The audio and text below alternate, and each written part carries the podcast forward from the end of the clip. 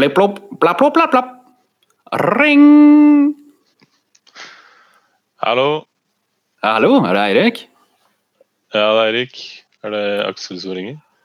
Det er det. God dag, god dag. Hei, hei. Hva står på? Nei, du, jeg sitter her oppe i nord, da, vet du. Sitter du i nord, ja? Yes, sir. Takk for sist, må jeg si. Jo, i like måte. Lenge til å sette live, må jeg si. Eh, ja, si det. Var Jul? vel, eh, Jul. Ja. Ja, du var på julebesøk. Det har ikke blitt noe av vårt eh, årlige påskebesøk. Nei, det var en sykdom som kom i veien. Ja. Vel, med det så vil jeg si velkommen som eh, gjest på mitt nye podkasteventyr. Mm, tusen takk. Som eh, du vet, er jeg en tidligere søring som ringer fra Tromsø, Nordens Paris, til mine venner i sør. Ja. Og du bor eh, hvor?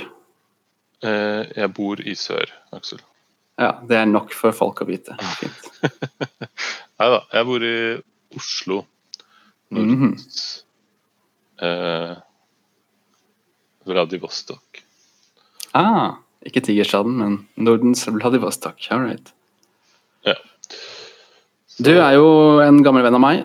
Eh, Vi har jo en, eh, også en lang historie med høykvalitets upubliserte podkaster bak oss, som eh, ingen andre enn oss har fått høre på, omtrent. Stemmer. Så vi er veldig profesjonelle i det gamet her. Ja, det hører vel folk allerede. At det er Ikke sant? På den andre podkasten så er vi to pseudointellektuelle som snakker om ting vi ikke vet så mye om. mm. Og det På er denne vel- podkasten ja, kanskje. Det er litt mer lettbeint, kan vi si. kanskje. Ok, ok. okay. Så uh, er det noe du vil fortelle meg om, uh, om livet ditt siden sist? Før vi starter? Nei, det er det ikke. Jo da. Nei, vi, vi snakker jo ganske regelmessig, så jeg tror du vet mye. ah, dette er veldig bra podkastmateriale. Ja, det er bra greier. Yes. Du får bare chime inn hvis du har noe å komme med på disse Jeg ga jo deg en liten oppskrift her i, i går. Eh, Jeg vet ikke om du har noen nyhetssaker du har lyst til å dele med meg siden sist? Um, ikke kanskje som direkte nyhet, men uh, i dag uh, i, var det vel Aftenposten jeg leste. Så dukka det opp en kronikk av Vladimir Putin. Oi! Yes. Det var eh, Det var ikke hverdagskost. Så eh, Ja, jeg leste gjennom den, da. Og det er jo Det handla om eh, andre verdenskrig. Og ja, jeg vet ikke En slags blanda kritikk av vestlige makter som ønsker å måte beskylde Russland for historieomskrivning. Mm. Eh, hvor han ønska å minne oss på at eh, det var jo faktisk Russland som tok det mesteparten av støyten i andre verdenskrig. Og som kanskje sto for sånn Sånn jeg skjønte det, fire femtedeler av, eh, av Tysklands på en måte oppmerksomhet var retta mot Russland. Da. Fire femtedeler. Mm. Um, ja, det var i hvert fall et av tallene han, som dukka opp. Uh, og litt sånn Ja, på en måte litt sånn Hva skal jeg si? Tankevekkende, kanskje.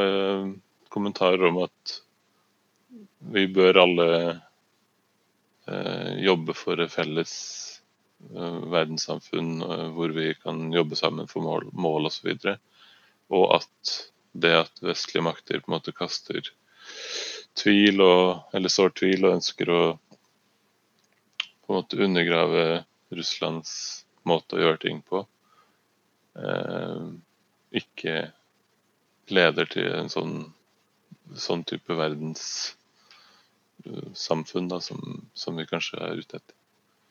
Ja, interessant. Det er jo sykt mange sånne spennende temaer som kommer opp med de greiene der, merker jeg.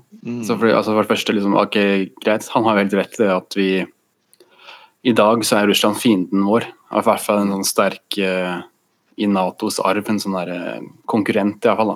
Kanskje en fiende også. Nå var det i fjor at veldig få folk møtte opp på den der uh, feiringen av andre verdenskrigs slutt pga. Russland sin rolle de siste årene i, på Krim og i Syria og overalt. Mm. Og det er liksom Det er veldig trist, syns jeg, at vi, at vi, politiserer den markeringen. Jeg skjønner jo det på en måte at det er litt glans på Russland og sånne ting. Men jeg syns at Norge som er nabo til Russland, og vi som liksom kjempa mot naziene sammen, det burde ta hensyn at liksom ikke viske bort historien, selv om dagens eh, politikk og globale situasjon er liksom fucka. Nei, jeg er enig. For det er veldig sant. Samtidig så er det jo veldig artig at han altså Hva slags verdensorden er det Putin er ute etter? Han ja, ødelegger jo konsekvent. Han fucker jo på alle mulige måter. Ja, det er der, det er der som liksom er så spennende. Og det er nesten så det var på en måte for meg en litt sånn parallell med Altså jeg bare tenker på sånne personlige relasjoner. Da, at, at, du har personer i livet ditt som gjør ting som du eh, som du bare ikke skjønner og virker som bare er ondsinnede eller idiotiske. Og så er det kanskje noen ganger fordi du selv ikke skjønner helt hvordan de tenker, eller eh, hva, de, hva, de, vil i livet sitt. Da. Og at kanskje de tenker at tenker, eller har det samme mål som deg, men ser på det som en annen måte Eller å komme dit på en annen måte. Eller at utgangspunktet deres er forskjellig, eller whatever. Og ja, jeg vet jeg, Ærlig talt så bare Jeg begynte å tenke på om OK, er det, er det sånn at vi kan At vi har, vi har liksom ikke prøvd å skjønne hva Putin slash Russland ønsker å oppnå i stor nok grad. Men samtidig, det er skitne Det er jo ting som du bare liksom Nei, det er Du kan ikke holde på og sånn. Og mm.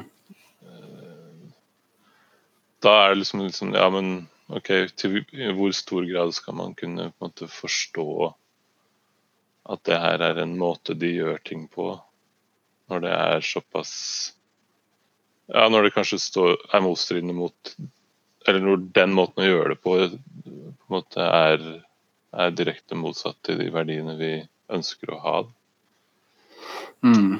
Det er jo det er så mange forskjellige historiske kontekster og altså, ting som man tar hensyn til i den saken. her, sånn, så Man kan jo snakke om det i tre timer omtrent, men jeg har inntrykk av, det jeg har prøvd å sette meg inn i med Russland, er at de Altså, etter det falt sammen i Sovjet, og før liksom eh, ja, altså Når det falt sammen, da, så ble det en vestlig vending i Russland. Og en kapitalisme som liksom ble ganske dårlig, som veldig få folk fikk masse penger. Mm. Og så ble det Alt knakk på en måte sammen økonomisk sett, og militær og hele det gamle samfunnet. Men det var en sånn, et håp om å liksom vestligvende seg litt. Grann. Og selv også i Putins tidlige tid, kanskje spesielt med Bush og krigen mot terror, så var det ønske om at liksom, nå kan vi samarbeide. Han samarbeida mye med Bush i forhold til å bistå med info og var liksom en team player. Mm. Og så fikk han etter hvert et inntrykk av at det ikke var noe særlig å hente der likevel. Uh, at USA gjør det de vil, og ikke bryr seg så mye om Russlands uh, verdier eller på en måte interesser. Mm. Og det er jo litt sant, ikke sant? at vi er veldig sånn orientert mot oss sjæl i Nato og i USA. Ja, sant. Men, men samtidig, så liksom, altså, hvilke verdier da? Altså, problemet er jo at han er en autokrat og ønsker å samle all makta si hos seg sjæl hos noen få. Og så dyrker han mm. interesse med folk som gjør det samme i andre land. Og da mm. er, det liksom, da er det en direkte trussel mot han når vestlige organisasjoner i Russland f.eks. Eh, prøver å spre frihet og ytringsfrihet og demokrati og sånne ting. Mm. Sånn da blir det lover mot det. Og så vender han hele landet mot en sånn mer sånn ortodoks nasjonalstat og gjør ting som ikke liksom passer med det som ofte er våre idealer. Da. Og så er en annen ting er en lang historie med Nato som gikk østover etter eh, den kalde krigen. Hvor det var en forståelse ved Russland visstnok om at liksom de ikke skulle gå lenger enn liksom Tyskland eller noe sånt. Noe og så går det hele tida østover. Så føler de seg mer og mer trua. Den gamle buffersonen til Russland blir borte. Ja. Og det er jo sant, ikke sant. Vi, vi encroacher på deres uh, liksom maktterritorie. Uh, F.eks. Krim er jo et sånt gammelt maktterritorium for Russland i mm. Ukraina. Men hver da. Altså, de landene som er frie nå, de er ikke inne i Sovjet. Altså, de må få lov til å velge sjøl. Hvis de vil vende seg vestover, liksom, så er det litt mm. opp til de også. Ja, det er Men du kan Ja, ikke sant. Det er sant. Men du kan tenke deg Eller jeg vet ikke. Man kan kanskje tenke seg at hvis Russland hadde brukt samme argumentasjon fordi noen land i, i Øst-Europa mot, eller vestover da, hadde liksom slutta seg til Russland, men kanskje pga. mer ille, eller vi ser på som illegitime. Og så hadde Russland sagt sånn Ja, men må, altså det, det, må være opp til dem.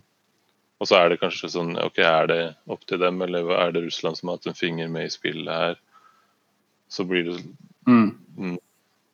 Altså, jeg bare tenker kanskje, kanskje, det er noe lignende som de føler. Ja, at det er ikke liksom frie valg, det er, mm. det er kulturell påvirkning, og det er det er det. Det er vi gjør. Et eksempel der er jo Ukraina, hvor de var østorientert.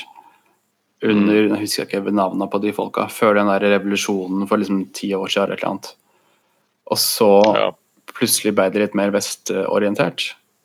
Uh, mm. Og det er jo Det resulterte jo i at Russland De sier jo at de ikke har gjort det, men de har jo rykka inn militært i Donbas-regionen og liksom har folk under sin kontroll, eller i hvert fall sin uh, påvirkning, som har kjempa i borgerkrigen i Ukraina.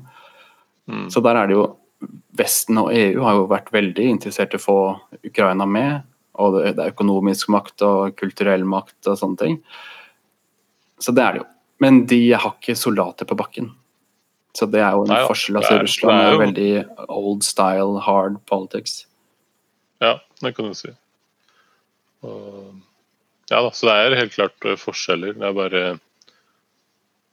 Ja, kanskje det vi ser på som legitime måter å gjøre det på, er illegitime i deres øyne. Eller omvendt. Jeg vet ikke. Mm. Ja, dette var lettbeint. ja, da, vi... Det er veldig spennende. Det er mye man kan snakke om her. Altså med Russland sin sånn der, altså, såkalte fake news og sånne der bot farms i Russland hvor de sprer informasjon på Facebook i USA og i Norge mm. og overalt, liksom.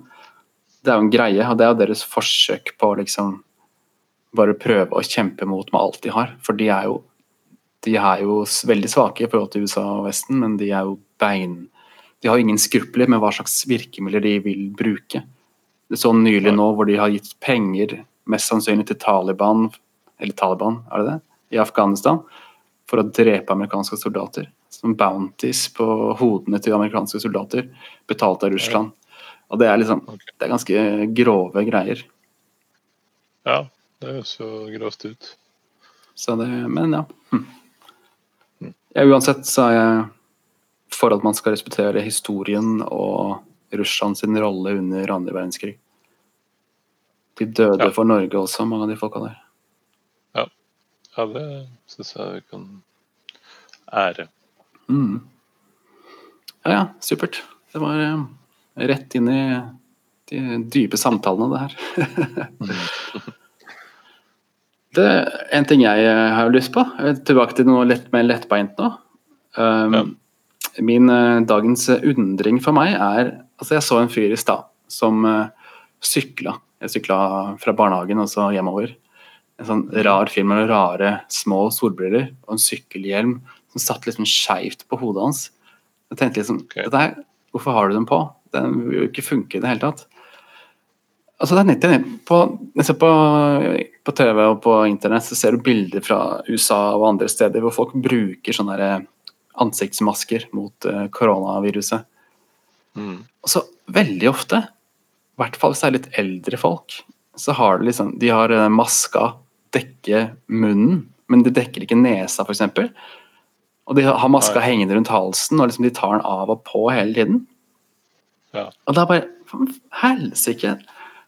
Hvis jeg hadde gått med maske, jeg har gått med den maska konsekvent hele tiden fram til jeg tar den av, og da vasker jeg hendene. Du kan ikke drive ta den av på, ta på ting og ta den av på maska og alt mulig sånt. Det irriterer meg. Ja. Så. Eh, man kan kanskje si at det, i hvert fall i den tiden de har den på, så beskytter de andre mot sine egne basilusker. Ja, det er et poeng. Men eh, ja. jeg, jeg ser poenget. Ja, du ser det beste i folk, du, Eirik. Nei, men det er bare sånn Jeg bare Jeg vet at eh, Eller det er i hvert fall mange som sier at i asiatiske land, de som bruker masker der, de gjør det jo for å eh, beskytte andre mot sin egen eh, forkjølelse eller Mm. sånne ting. Heller enn Men jeg tror det er litt sånn idyllisk bilde. Jeg tror ikke det er så uselvisk. Det er jo mantra, det er ofte at uh, use the mask to protect others, liksom. Det er jo sannhet i det, men uh, motivasjonen for meg tror jeg har vært i stor grad også å prøve å beskytte meg selv så mye jeg, jeg kan. Ja. Amen. Du er jo en familiemann og veldig opptatt av å beskytte familien din. Ja, er altså egosentrisk og opptatt av min egen helse. Ja. Ja, du har jo ja, du har jo vært ganske vokal når det gjelder denne koronasituasjonen. Smittebevisst, kaller jeg det. Ja, du har blitt overraska over min eh, koronaopptatthet. Ja, jeg har det. Du har vist et engasjement du sjelden viser. Sitter du nå og rister på hodet over at Aksel tok feil? Alt går jo så bra i Norge. Nei, det gjør jeg ikke. Eh, Du, jeg tror alle handla vi, Ingen hadde jo god informasjon. Og hva situasjonen i Norge faktisk kommer til å bli, det er jo fortsatt Vi har jo hatt en liten bølge, men ja. Det er 1% av oss som har hatt det viruset. Så det er jo 99 igjen. 1 av 5 millioner. Hvor mye er det? 50 000? 50 000. Ja, nei, altså jeg, Når man tar seg et eh, ideologisk valg i livet, så er det vanskelig å bytte posisjon. Så jeg er fortsatt uh, veldig eh, smittebevisst. Og jeg irriterer meg over folk som uh, Altså, det er fint at man vil tilbake til uh, livet, men Mm. Med en gang man slipper opp og begynner å gjøre ting, så er det så fort at man liksom bare Jeg merker det på en sjæl òg. Man, man tar ikke ting så seriøst. Man glemmer det. Én meter mellom folk og vaske seg hele tida, ikke ta på seg her og der. og Ja. men altså, Ja, jeg, jeg bare håper at jeg overdriver. Altså at høsten Jeg blir overraska og veldig glad hvis høsten ikke blir eh, liksom Altså et tydelig oppbluss igjen, egentlig. Ja, jeg får Altså Ja, det er jo helt sklidd ut her. Jeg vet ikke hvordan det er, i, det er i nord, men her i sør så er det jo omtrent ikke noe bevissthet på det lenger. Nei, altså Eh, Jeg vil jo tro at folk i sør også de spriter seg og vasker seg og prøver å holde avstand. At de fleste ikke tar hverandre i hendene og, og sånne ting. Ja da, det er litt sånn. Men sånn der på stranda og sånne ting, det blir jo litt Ja, det er jo helt tjokka fullt og. Alle det er jo, De kollektive reglene er det jo ingen som men, Eller jo, jo. Altså selve kollektiv... Hva skal jeg si Selskapene, de har jo fortsatt på en måte markert sete hvor du ikke skal sitte og sånn. Så sånn eh, rent offentlig og ja, selskapsmessig så, så er du fortsatt in place, de der restriksjonene. Jeg hørte det var noe tumulter på Bygdøy her for et par uker siden. Alle skulle hjem okay. fra huk eller hvor de bader hen. Så skulle alle ungdommen på bussen, men så var det ikke plass ifølge reglene. Så de begynte Nei. å slåss og snike seg inn og måtte tilkalle vakter og politi og alt mulig sånne ting. Oh. Bussene de kjører jo ikke, så det var bare dritt for alle. Ja. Ja, det er Det skal liksom ikke så mye Så jo det litt også i begynnelsen av den koronatida, at det skal liksom ikke så mye til før folk begynner å Eller før, før, før vår, vårt siviliserte samfunn begynner liksom å Hm. rakne litt. Alle kjøpte jo dasspapir og hermetikk som var det, selv om til tross for eh, råd fra myndigheter osv. Ja, man får mistro, vet du. For så hva veit myndighetene? Hvis folk begynner å ta, så hva kan de gjøre på kort tid, liksom? Så Nei, det man blir jo det. mistenkelig. Jeg var jo gjerderøs jeg eh, lenge og begynte å lage surdeig. Surdeigsbrød. Og det Ja. Jeg vurderte om jeg skulle fortsette med etter at, etter at jeg fikk gjær også tilbake. Og det gadd jeg ikke. Det var litt mye mas. Ok. Så det ble ikke så mye bedre brød at det var verdt. Nei, det blei annerledes. Nå var jo jeg åpenbart ikke så veldig flink da, i forhold til hva de folka på nettet gjør. Det der irriterende perfeksjonistene. Ja. Men det er greit. Jeg ser for meg at surdeigsbrød er mer eh, At det er liksom mer, større luftbobler i det, av en eller annen grunn. Ja, det er ofte det de er ute etter. Okay. De snakker om Så- uh, Ja. Ja, så det, er, så det er en greie at de er, lager mindre luftbobler enn surdeig gjør. ja, altså Man kan jo få mye luftbobler med vanlig uh, gjær også. Altså Hvis man f.eks. langtidshever det og har veldig mye fuktighet i deigen. Men det vanlige med å lage vanlig brød er at man knar det mye, og så hever man det ganske fort, og så slenger man det inn i ovnen. Og Det kan bli fint, det, men sånn surdeigsbaking så er de veldig opptatt av eh, fuktighetsnivå. Hydration levels. Så liksom om å gjøre å ha mest mulig vann, så at deigen er mest mulig vanskelig å jobbe med.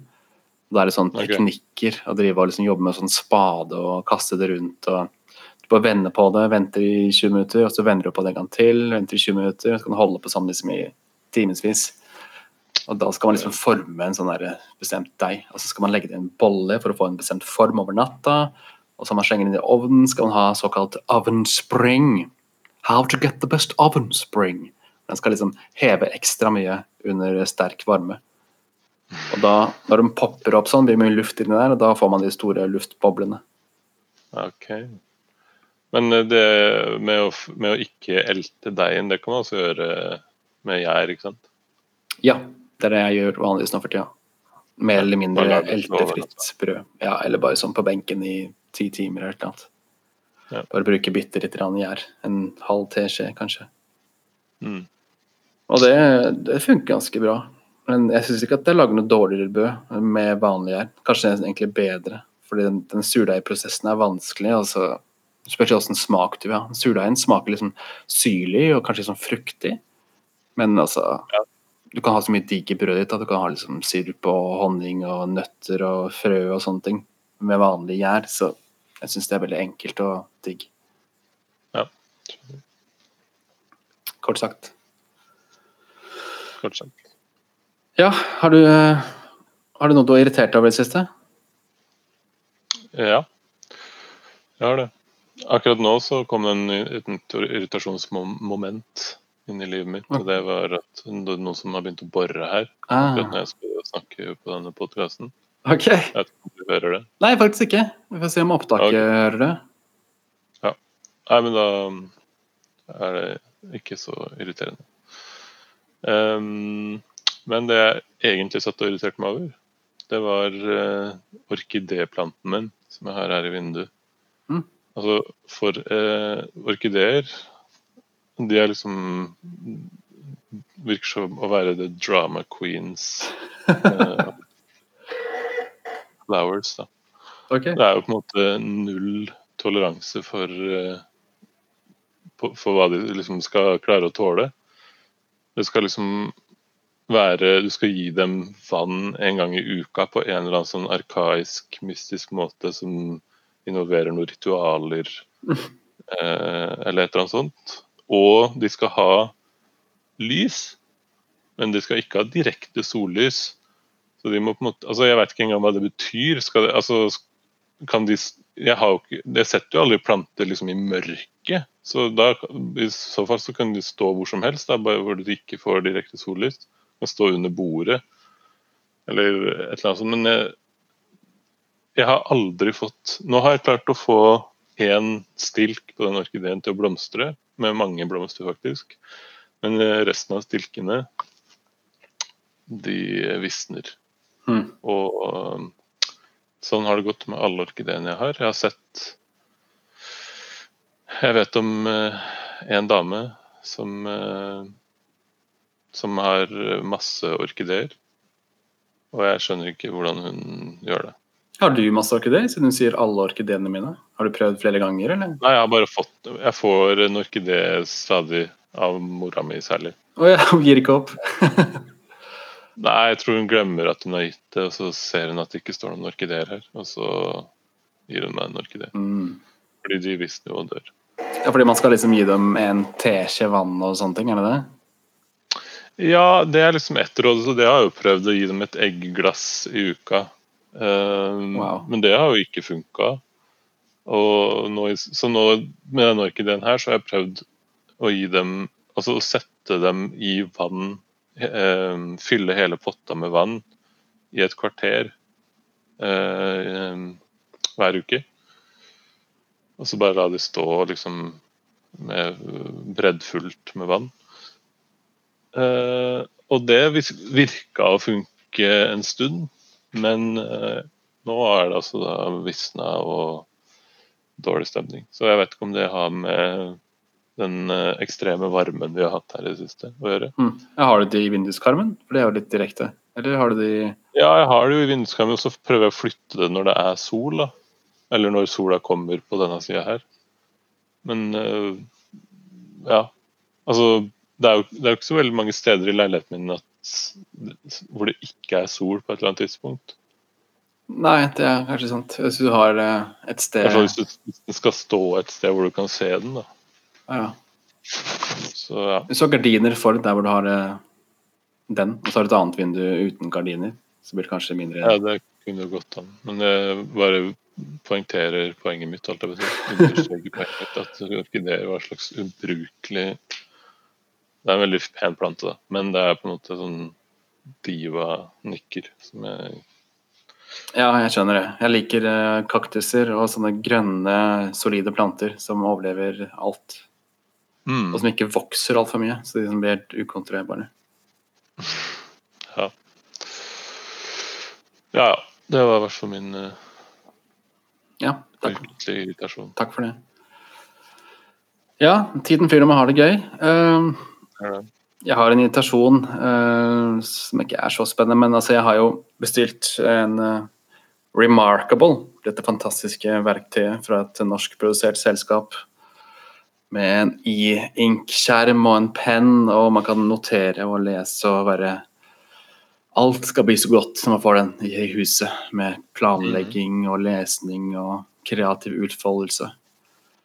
Ja, det er det eneste som hindrer deg å oppnå dine Yes. Det er jo egentlig litt morsomt at ingen harselerer med med det navnet. Remarkable. Det er jo et utrolig tåpelig navn på et sånt produkt. Syns du det? Jeg syns det er bra. Ja, du syns det? Altså, jeg synes det er litt sånn altså, det er Du kan marke ting med det, og så er det remarkable, men det er litt sånn der oh, It's quite remarkable. Ja, nei, jeg, Nei, men. ser Ja. Uansett, det har blitt utsatt. Det vet jo du allerede, men eh, jeg må bare si det en gang til. Det har blitt utsatt fra august til oktober. Hvis jeg er heldig, så får jeg den i hånda i oktober. Ja. Jeg skulle starte en ny jobbhøst med den i hånda og, og i hende. Og drive og skrive ting i kalenderen og notere det og ja. Hvordan kan man på en måte oppnå sitt potensial hvis man ikke får gjort det før oktober? Nei, når jeg begynte med nå, er at jeg bare nå skriver jeg mer ting på blanke ark med penn. Wow. Jeg trener. Er. Eh, er det ironisk nå? Ja, det er litt ironisk. Ja. Men, men på en eh, sympatisk måte. Det Det vekka meg litt interessen. Altså, jeg har jo ført det siste året at jeg ikke er ikke så glad i sånne PC-kalendere og sånne ting. Jeg liker å ha en bok hvor jeg skriver mine avtaler og notater og sånne ting til jobbting. Ja. Og det liker jeg. altså liker jeg tanken på det der verktøyet Remarkable som kan gjøre det med å ha det elektronisk. og Man slipper å ha sånn der Facebook som plinger og alt mulig sånne ting. Det er et sånn veldig sånn fokusert verktøy. Ja. Så fikk jeg bursdagsgave av kona mi. en Klokke, armbåndsur, som også er digg. Jeg har et analogt ur på hånda mi. Jeg har hatt telefon i lomma mi nå i, liksom, i ti år for å fortelle meg hva tiden er. Og det, her, det er deilig. Jeg slipper liksom Ja. å se Å ja, det er en melding også. Jeg lurte bare på hva tida var, men da må jeg trykke på den meldinga. Nå har jeg Men, liksom eh, bare du- tiden. Ja. Du har nevnt armbåndsuret før, eh, men kan du male det litt mer? Eh, Hvordan ser det ut? Nei, det er veldig basic. rundt ur med sånne to sånne tidsvisere. Minutt og time, og ikke noe sånn sekundting. Og så er det en eh, Bakgrunnen er hvit? Bakgrunnen er hvit, og så er det sånn sølvfarget eller stålfargede sånne tidsgreier. det er ikke Det er ikke tall, det er bare sånne striper. Store og små striper som markerer tiden. Ok. Så er det Og en brun armatur er også stål, eller? Hva er armatur? Er det den runde tingen? Det var bare et ord jeg brukte for jeg jeg ikke vet hva det egentlig heter. Men det, altså liksom det som klokka er bygd inn i, eller hva jeg skal si. Ja, det er en sånn stålklump. En rund, fin stålklump. Ja. Med brun eh, lære... Hva heter det? Ja. Armbånd? Sånn derre Lærreim. reim, ja. Armbånd. Lærarmbånd. Du vet det, Jeg elsker å gå med sånne brune lærarmbånd rundt hendene mine. ja, det er deg, det, Aksel. Mhm. Ja, nei, så det er, jeg har fått sansen for det analoge, egentlig mer og mer. Ja. Det er noe som Ja, det er- skjer med huet mitt når jeg skriver ting med penn. Mm. Det er litt deilig. Ja, det er Jeg skjønner akkurat hva det er. Det er en evig søken for meg å mm. finne fram til sånne mer fokuserte måter å gjøre ting på. Ja. Uh, da uh, har jeg et eh, segment i denne podkasten vår som jeg ikke helt veit åssen blir. Mhm. Eh, Dungeons and Dragons, eh, det verdensberømte rollespillet. Med terninger og klasser og karakterer og krig og magi og moro. Mm. Jeg tenkte vi kunne ta en femminutters DND-runde over eh, eternettet. Å ja, altså, altså rollespillet? Ja, eh, på en måte. Så siden jeg aldri rollespill lenger, og litt inspirert av min kjære venn Lars, som forlot oss i fjor, som også gjorde det Ja. på en av sine podkaster. Han hadde one minute DND, eh, og det er litt kort tid, så vi tar den opp til fem minutter. Alright. Så dette er uten spesielle forberedelser. Eh, Så jeg bare har noen spørsmål til deg. Hvilken Hvilken rase vil du være ut ifra klassiske DND-raser? Eh, da har jeg lyst til å være en eh, eh, gnom. Ah, en gnom. Ok. Eh, Noe spesielt at du liker å bo under bakken eller bo i skogen, eller? Eh, jeg liker å bo i skogen, men jeg er alltid på utkikk etter skinnende saker som jeg Ah. kan bygge mekaniske eh, ting ut av. Så en skogsgnom som liker mekanikk. Ja. Ja, hva slags klasse er du, tror du? Eh, da tror jeg at jeg er en slags rogue. Aha, en liten luring. En luring. Ok. Eh, er du mann eller dame? Eh, jeg er en mann. Kan du finne på et navn på stående fot? Uh, ja, det er gnomen stående fot. Hey, ok, stående fot. All right. Da eh, Ja, jeg prøvde å utvikle et system for terningkast. Eh, det klarte jeg ikke. Eh, så det vi gjør, er at jeg har her en eh, D20, en 20-sidet terning, og en D6, en 6-sidet terning. Alright. Og bruker bare den eh, 20-terningen for å finne ut av om du klarer det eller ikke. Alt over 10 er inne, alt under 10 er feil. Og så hvis vi skal slåss eller annet, så tar vi med den 6-terningen. Ja. Så det er som følger. Du, eh, på stående fot, en kjekk, ung skogsgnom som er på vei ut av sine hjemlige trakter for å oppsøke verden. Du er på vei inn til landsbyen Bergost, langs sverdkysten i det tapte kontinentet Fearone. Eh, De som har spilt Baldur's Gate, eh, har hørt om dette her før. Eller DND generelt, kanskje. Du Ja, godt. Eh, Du er på vei til Bergost, eller kanskje gjennom Bergost, fordi du er på utkikk etter eh, arbeid, eh, men også kanskje for å utkikk etter å finne nye mekaniske contraptions. Jeg har bestemt at du også er på utkikk etter å teste, når du først er i nærheten, den berømte fastfood-restauranten til trollmannen Iskender. Aha. Så da er du, kommer du trappene inn i byen Bergost. Det er eh, små, vakre trehus og en liten sånn town square med en liten statue. eh, Og et par hus her og der. Eh, Hva gjør du? Mm. Nei, jeg tar eh, og går til en, eh, en eh, person i nærheten som ser ut til å ha litt peiling.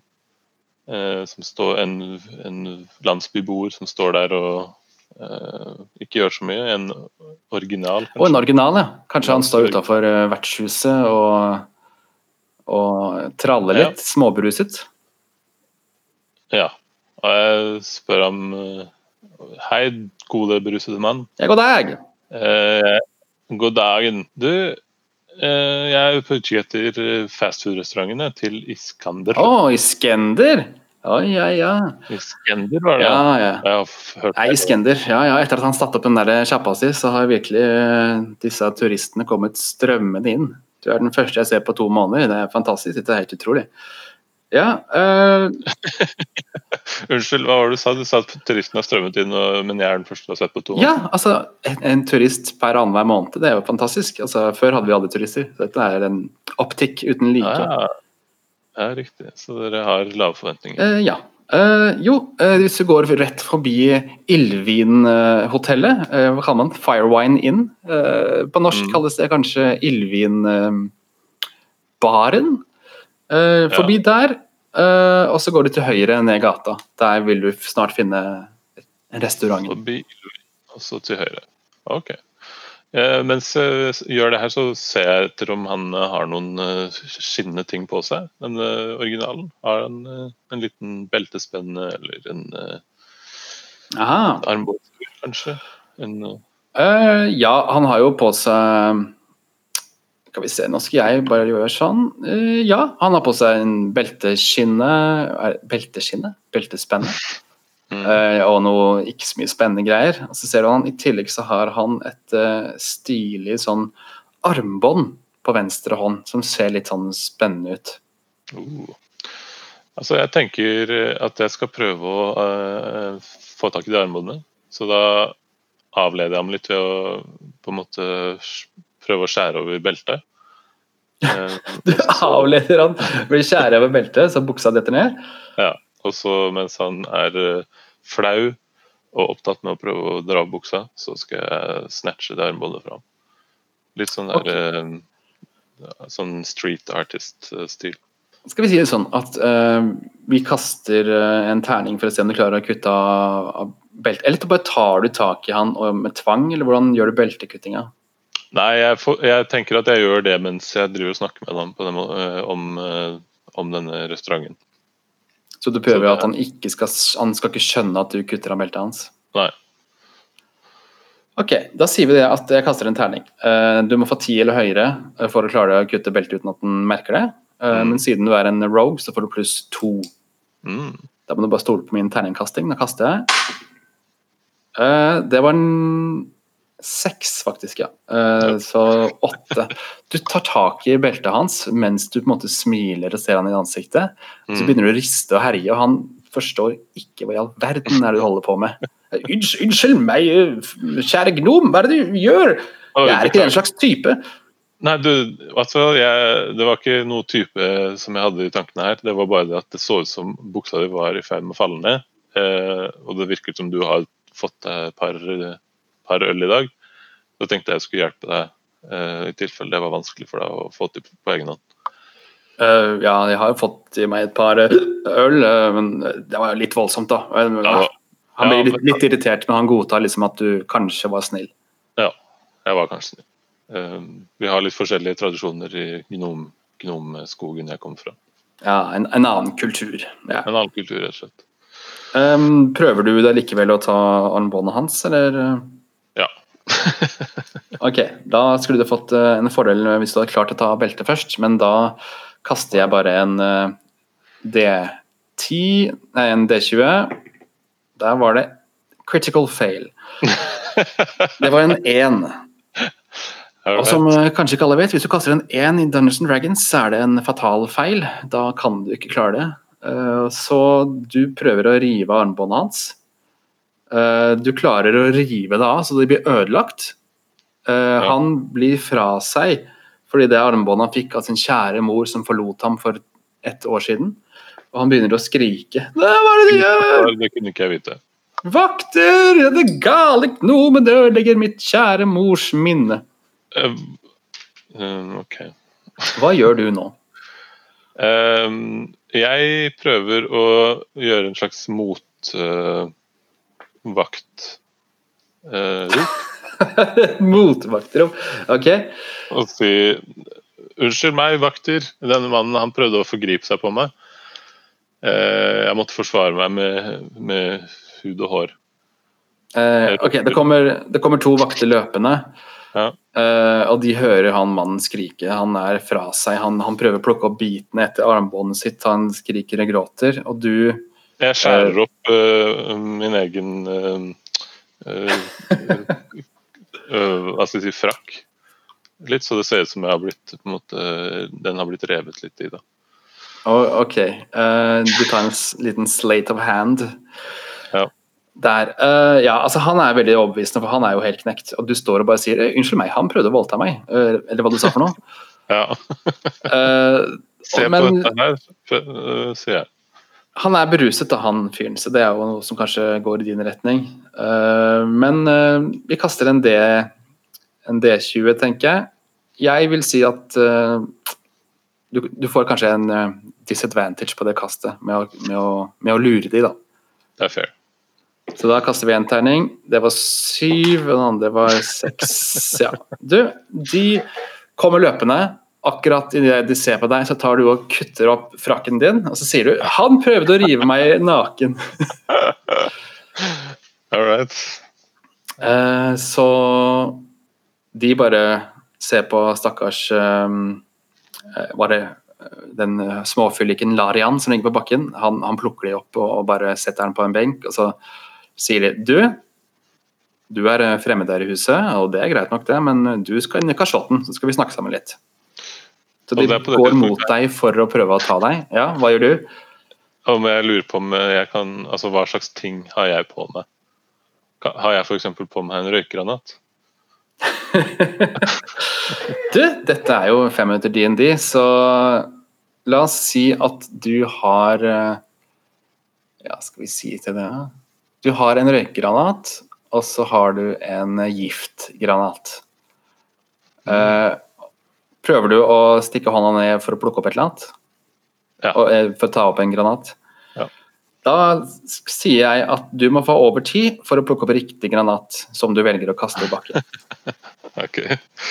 Da uh, Du fikk seks, så du kaster opp giftgranaten. kaster den ned i bakken. Og ja. du tar immediately uh, seks skade. Uh, du har ti hitpoints, det glemte jeg å si i stad. Så nå har du fire hitpoints. Uh, vaktene de tar også skade, og de bare Angrep! Alarm! Oh my god. Så nå er du Ja, nå ser det ikke så bra ut, da. Nei. Um, OK. Da er det vel sånn at jeg er nødt til å komme meg til den restauranten. Eh, ja, du skal ha én godbit før natta? Det... Altså Før kasjotten så må jeg jo det. OK. Du løper? Jeg løper. Ok, Du husker eh, direksjonen forbi Firewine Inn, løper Firewine, ned gata. Du hører.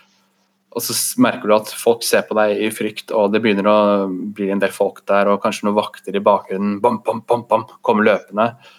Eh, de to ja. andre vaktene er vel litt sånn satt ut og prøver å ja, komme seg til hektene. Ja. Du løper mot uh, Iskenders restaurant og løper inn døra. Mm. Og han bare Oi sann! God dag, fremmede. Velkommen til Skenders kebab. God dag. Eh, jeg ser kvikt om det er en sånn uh, utgang på baksida. Eh, altså du ser på når du er inne. Du ja. ser om du ser en bakvei ut. Ja. ja. du ser vel at det er, i hvert fall et, eh, det er en dør, uh, hvis han har en disk, da. Og så har du menyen over med bilder av kebab og shawarma og sånne ting. Og så mm. kan du løpe inn bakveien, som kanskje ja. er kjøkken, kanskje er eh, et eller annet annet. Jeg vet ikke helt. Jeg eh, tror jeg bare gjør det. Jeg sier 'god dag, min gode mann', og så hopper jeg over benken og løper inn døra. Jammen, jammen, jammen, sier han. Og du løper inn eh, der sånn, og du løper inn på kjøkkenet, og det lukter lukten av deilige krydderier og urter og sauser. Er det noe, er det noe mat? Ja, det er flere retter som er ferdige, og så er det et par kokker som står og bruker magi for å lage ferdig mat. Er det noe som ser ut som takeaway? Ja, det er sånn ferdigpakka, sånn, kanskje ikke isopor, men la oss si en sånn liten skinnfell som er pakka rundt noe, noe mat. Mm, mm. Klar til å leveres til en kunde. Du tar det? Ja, og så løper vi videre. Hvis det er bakvei ut. Hopp. Ja. De ser det og roper 'stans', men du løper rett ut, ut bakveien. Så der, det tror jeg vi stopper der. Der har du tira på deg hele byen, skada folk, ødelagt minnene til folk, stjålet mat fra den berømte Iskenders kebab. Og ja, dette ser ikke så bra ut, men du har fått deg en god matbit i hånda. Det var jo målet, var det ikke det? Gratulerer. Takk. Ja, godt jobba. Jo, i like måte. Da tenker jeg at vi eh, du, du fikk jo ikke engang oppleve noen av de fellene jeg hadde lagt opp. Du lagde dine egne feller. Ja, var det feller i denne restauranten, eller hva? Så var det Nei, sånn- altså det var, noe, det var noen folk som skulle involvere deg og litt sånne ting. Ja. I noen greier. Men det er supert. Jeg tror Nå nærmer vi oss slutten av denne fantastiske podkasten vår. eh, som, som er tradisjon. Ja. Så har vi en uh, siste spalte som er ukens anbefaling. Eller eventuelt ukens uh, anti-anbefaling. Ukens advarsel. ja. Uh, jeg har en anbefaling. Har du, en, har du noe? Da må jeg ta det litt på sparket. Det var et av punktene jeg da tydeligvis har oversett litt. Da kan du tenke litt på om du ønsker det eller ikke. Da kan jeg starte, kanskje? Ja, gjør det. Som du vet, så er jeg en stor fan av Dan Carlins uh, Hardcore History Podcast. Mm -hmm. uh, kort sagt så er det anbefalingen min. Uh, hans fantastiske podkast. for dem som ikke vet hva det er for noe, så er det jo en radiovert som heter Dan Carlin. Som, han har bare en bachelorgrad i historie fra gammelt av, men han har stor interesse og leser masse bøker og liker spesielt militærhistorie og store menn og sånne ting. Julie Cæsar og Alexander den store og osv. Ja, veldig sånn bra gjennomgåing av historiske temaer. Han har f.eks. en sånn første verdenskrigs-podkast på seks eller fem episoder som varer i tre-fire timer per episode. Mm. Så det er grundig og, og fortalt på en sånn eh, hva skal man si, folkelig måte som man liksom ikke Det er ikke for tørt. Nei. Veldig bra. Uansett. Jeg hørte på podkasten hans her i går. Og så noe av det jeg liker best Hvilken var det? Altså, han har jo en eh, sånn eh, ekstra podkast-feed som heter Addendum, hvor han tar opp litt uh, kortere temaer som liksom ikke får den hele Dan Carlin-behandlinga. Så er det litt sånn sidespor. Og der snakka han om noe som han Han er veldig flink til å på en måte undre seg over altså menneskets natur og utvikling, på en måte. Altså, som han sier da, så er det noe forskjell på oss nå og på en romer, liksom. Mm. Eh, Hvis du hadde tatt et barn fra romertida gjennom en tidsmaskin og så avla det opp her nå, hadde det vært en forskjell? Egentlig ikke. Altså, for det er jo kultur og det er historie og sånne ting. Genene våre er jo like. og det er sånn der, Vi er den samme type Homo sapiens, liksom. Mm. Og så I går så satt han og undra seg over at liksom, i middelalderen og på romertida og sånne ting, den type slåssing i krig med sverd og hest og rustning og sånt, det er veldig ofte portrettert på film, f.eks. Vi tror på en måte at vi veit noe om det, hva det, hva det betyr å hakke med sverd og bruke et skjold, men vi Mm. veit egentlig ingenting om hvordan det var, og hva man faktisk gjorde. Vi har liksom bilder fra middelalderen over liksom hester som rir inn i en rekke med spydmenn, f.eks. Mm. Og, og vi veit så lite om liksom Gjorde hester det? Altså, sånn som vi ser på hvis vi spiller et sånn middelalderspill eller ser på Game of Thrones. liksom, altså En rekke med hester fyker inn med spydene ute, lanser liksom, inn i en rekke med folk. Hvordan var det? Gjorde de det? Hvordan opplevdes det for de som ble trampa ned? Og, for de første radene av hester? Døde de første radene av hestene ofte? Eller datt de av? Hva med radene bak? Fortsatte de? Hadde de fart nok? Eller stoppa de? Og liksom. Alt det her veit man så enormt lite om. Ja. Så man har liksom sånn historie, historikere som har teorier om at kanskje hestene ikke så ofte liksom rei full guffe inn i folk, men de, kanskje de hadde spyd som de stakk ut, sånne store lanser, og så liksom brukte de hestens kraft til å liksom presse fienden bort. Og liksom sakte, men sikkert liksom dytte de unna eller penetrere de med spyd. liksom. Ikke sånn derre ba-ba-ba-bam! Mos, liksom. Fordi liksom, Hvor absurd er det ikke å løpe inn med hesten din inn i en rekke med folk? Altså Hvis du løper ofte, etter ja. Jeg har ofte tenkt på det der. Å liksom være den første i de rekkene der virker bare som den verste jobben uh, i verden. Mm. Altså, jeg vet at jeg kommer til å dø her. Det, det, det er mitt formål. da. Ja, så Det er bare litt artig sånn der tanke. for Krigføringa på den tida der, det er forferdelig nå. og Første verdenskrig og andre verdenskrig. og Det er veldig mye forferdelig nå også, men det der, hva som kreves av et menneske å løpe mot en uh, bymur hvor de heller ned brennende olje og piler mm. opp en stige, liksom. Hva som ja. skulle til for å motivere folk, og hva de faktisk gjorde, det er uh, vanskelig å vite. Så Dan Carlins eh, podkast eh, anbefales. Jeg kan også bare da si at jeg støtter den anbefalingen. Jeg har også hørt litt på ham, selvfølgelig. Det... Ja, det, det, var jo du som eh, tipsa om han første gangen, så takk for det. Ja, det var det som det var, ja. ja. Og det er jo good shit. Mm. Good shit. Jeg kan anbefale særlig den der, hva heter den der om den religiøse eh, den, den, byen. Mm. Sånn der, jeg vet ikke om du har hørt den? Det var den første du tipsa meg om. Ja. Mønster, hvor det var eh, religionskriger i middelalder-Europa.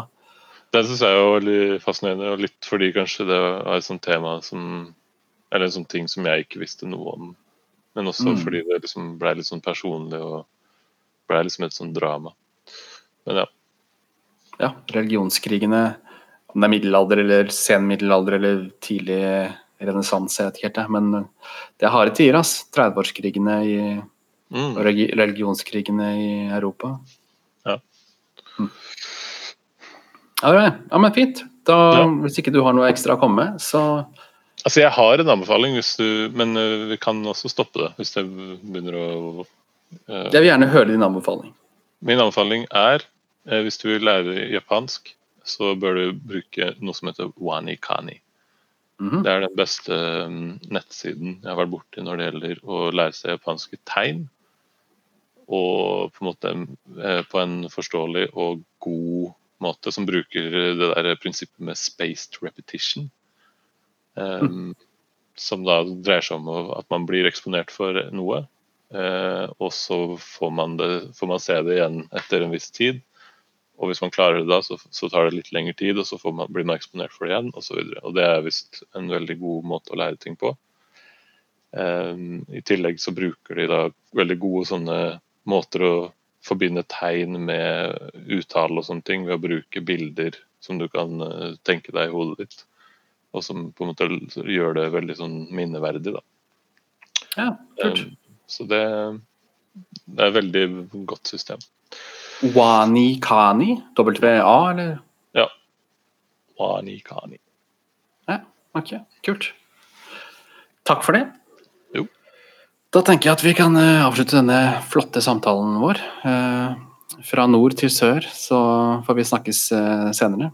Ja, det var hyggelig du ringte. Jo. Takk sjæl.